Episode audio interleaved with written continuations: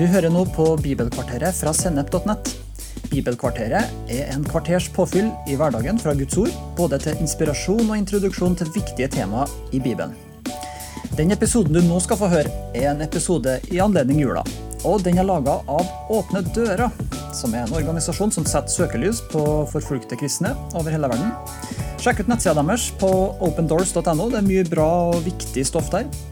Du vil òg finne mer stoff på sennep.nett som gir deg inspirasjon til å følge Jesus i hverdagen. Følg oss på Facebook, Instagram og abonner på våre podkaster i Spotify, iTunes, Google Podcast eller i den podkastappen du bruker.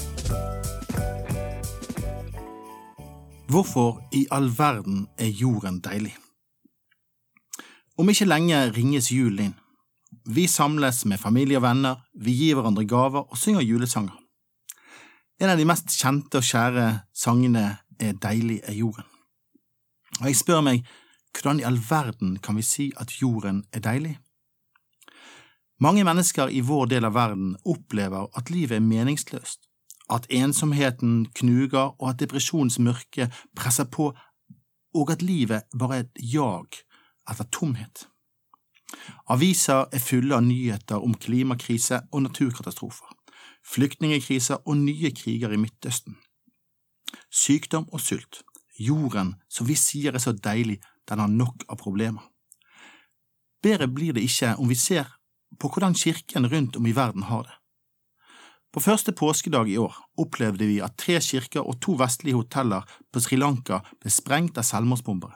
Over 300 mennesker ble drept, og 176 barn mistet én eller begge foreldre.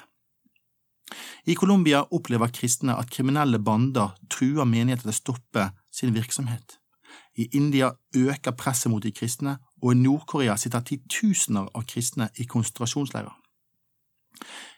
En kollega av meg var nylig i det nordlige Nigeria. Der lever kristne under muslimsk styre.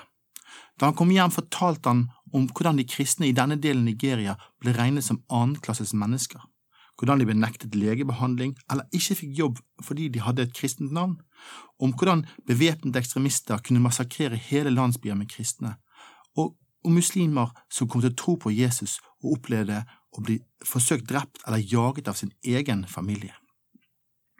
Ser vi ikke at jorden er en katastrofe? Er Bibelen naiv? Er kristne litt dumme? Må man ikke både være blind og litt dum for å kunne si at jorden er deilig? Vi skal lese et avsnitt fra Matteus kapittel 1 som gir oss en slags forklaring. En forklaring som forteller hvordan jorden kan være deilig samtidig som den er ufullkommen og full av lidelse. Hvordan vi som engler på Betlehemsmarken kan si ære være Gud i det høyeste. Jeg leser fra Matteus kapittel 1 vers 1–24. Med Jesu Kristi fødsel gikk det slik til. Hans mor Maria var lovet bort til Josef, men før de kom sammen viste det seg at hun var med barn ved Den hellige ånd. Josef, mannen hennes, som var rettskaffen og ikke ønsket å føre skam over henne, ville da skille seg fra henne i all stillhet. Men da han hadde bestemt seg for dette, viste en Herrens engel seg for han i en drøm og sa, Josef, Davids sønn, vær ikke redd for å ta Maria hjem til deg som din kone for barnet som er unnfanget i henne, er av Den hellige ånd. Hun skal føde en sønn, og du skal gi ham navnet Jesus, for han skal frelse sitt folk fra deres synder. Alt dette skjedde for at ordet skulle oppfylles som Herren hadde talt gjennom profeten. Se, jomfruen skal bli med barn og føde en sønn, og de skal gi ham navnet Immanuel. Det betyr Gud med oss.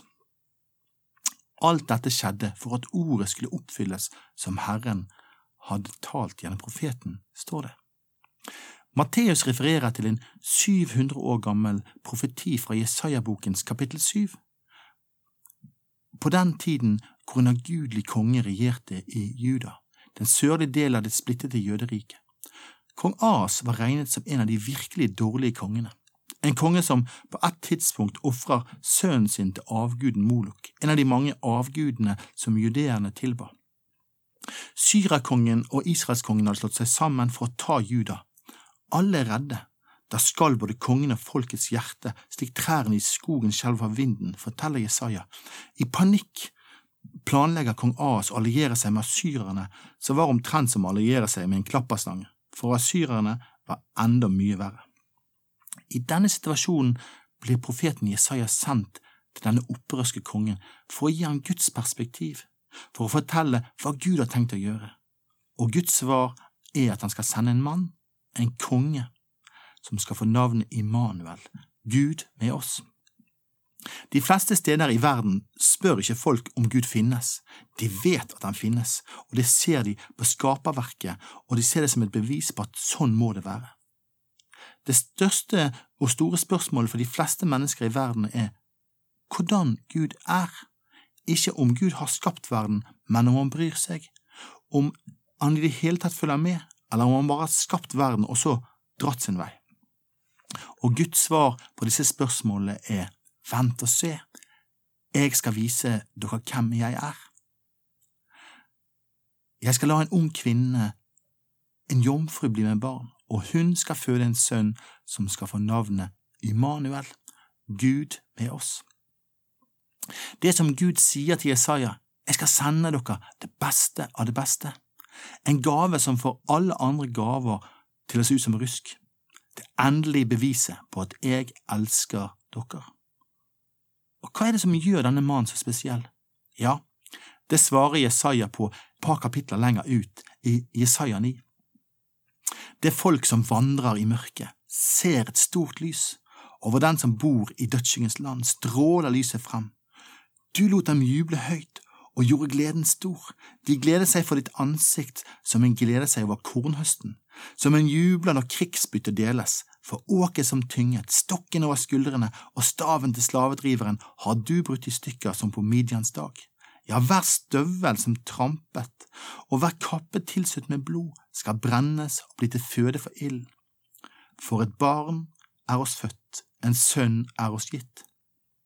Herreveldet er lagt på hans skulder, han har fått navnet Underfull rådgiver, veldig Gud, evig far, fredsfyrste. Så skal herreveldet være stort og freden uten ende over Davids trone og hans kongerike. Han skal gjøre det fast og holde det oppe ved rett og rettferdighet, fra nå og for alltid. Herren over hærskarene skal gjøre dette i sin brennende iver. Så hvilken forskjell gjør det om kongen skal kalles Gud med oss? Ja, det gjør all verdens forskjell. Les teksten en gang til. Det betyr lys for de som sitter i mørket, og jubel og glede der det før var sorg og nederlag. Det betyr frihet fra slaveri og synd. Det betyr slutt på vold og undertrykkelse. Det betyr at kongen som skal fødes inn i vår verden, skal være herre og konge. Ja, at det er Gud sjøl som vil komme og være vår far, gi oss råd og veiledning og herske med fred for alltid. Og det han ikke forteller, for litt lenger ut i Jesaja at denne kongen vil gi sitt liv og bli mishandlet og knust for at vi skal få gjenopprette vårt forhold til Gud. Så hvordan viser Gud sin kjærlighet til menneskeheten? Hvordan viser han at han er med oss? Hør, ja, hør etter. Og nå leser jeg forklaringen fra Romerbrevets kapittel fem. Men Gud viser sin kjærlighet til oss ved at Kristus døde for oss mens vi enda var syndere. Mens jeg enda var Guds fiender, ble vi forsonet med Han ved Hans Sønns død. Og evangelisten Johannes sier det sånn, for så høyt har Gud elsket verden, at han ga sin sønn den enbårne, for at hver den som tror på Han, ikke skal gå fortapt, men ha evig liv. Gud sendte ikke sin sønn til verden for å dømme verden, men for at verden skulle bli frelst ved ham. Gud, Guds kjærlighet er ikke sentimental og basert på følelser, sånn at han kan ombestemme seg i morgen. Guds kjærlighet er basert på overgivelse, oppofrelse, lidelse. Gud gikk langt for å forsone oss med seg sjøl, for å invitere oss inn i sin kjærlighet. For det var Gud som i Kristus forsonte verden med seg selv, sier Paulus i andre Korinterbrev kapittel 5, vers 19–21, slik han ikke stiller dem til regnskap for deres misgjerninger, og at han betrodde budskapet om forsoning til oss, så er vi da utsendinger for Kristus, og det er Gud selv som formaner gjennom oss. Vi ber på Kristi vegne, la dere forsone med Gud. Vet du hva dette betyr? Det betyr at verden er et godt sted, jorden er deilig, ikke for at alt som skjer er godt, men fordi at Gud er god. Det betyr at tilværelsen gir mening fordi bak det hele står en Gud som er god, som er kjærlighet, som ønsker deg, som ønsker å kjenne deg, elske deg, være sammen med deg, og som ønsker at du skal forsones med Han, kjenne Han, elske Ham, være sammen med Han, nyte fellesskap med Han, fordi Han er der for deg, med deg. Om du lykkes med alt i livet ditt, noe svært få av oss gjør, så er han for deg. Om livet ditt er fylt av motgang og lidelse, så er han fortsatt for deg. Det går nesten ikke an å uttrykke hvor stor forskjell dette gjør for deg, i din holdning til livet, i din forventning til livet, i din forventning til hva Gud kan gjøre. I Romerne 8, 31–32 står det, Hva skal vi si, så si til dette? Er Gud for oss, hvem er da imot oss? Han som ikke sparte sin egen sønn, men ga ham for oss alle, kan han gjøre noe annet enn å gi, oss alt sammen med ham? Dette er verdens beste budskap, ikke bare for meg, ikke bare for deg, men for hele verden, for det handler om Guds kjærlighet til oss, Gud ved oss.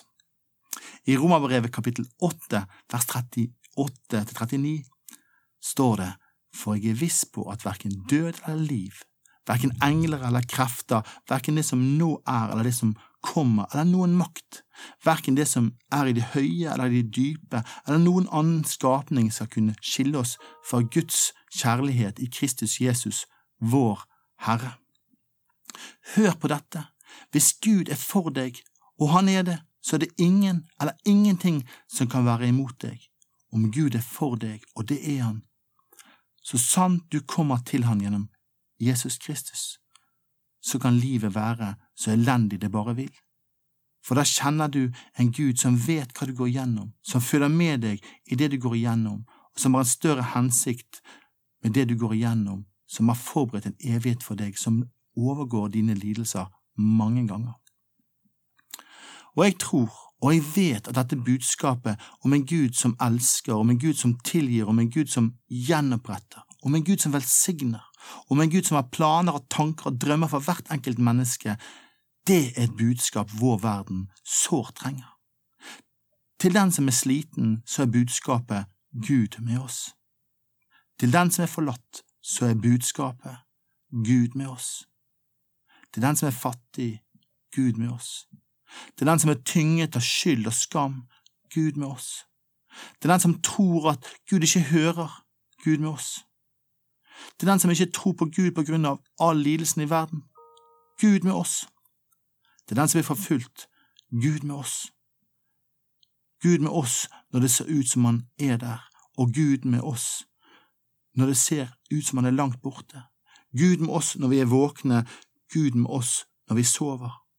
Og dette er faktisk grunnen til den forfulgte kirke kan glede seg på tross av motstand og forfølgelse, fordi Gud er for oss, og det faktumet trumfer alle fakta. Det faktumet gjør at jorden, når alt kommer til alt, er deilig. Det faktumet gjør at du kan glede deg, samme hvor du er, samme hva du opplever, fordi fra nå og ut i evigheten så er Gud med oss.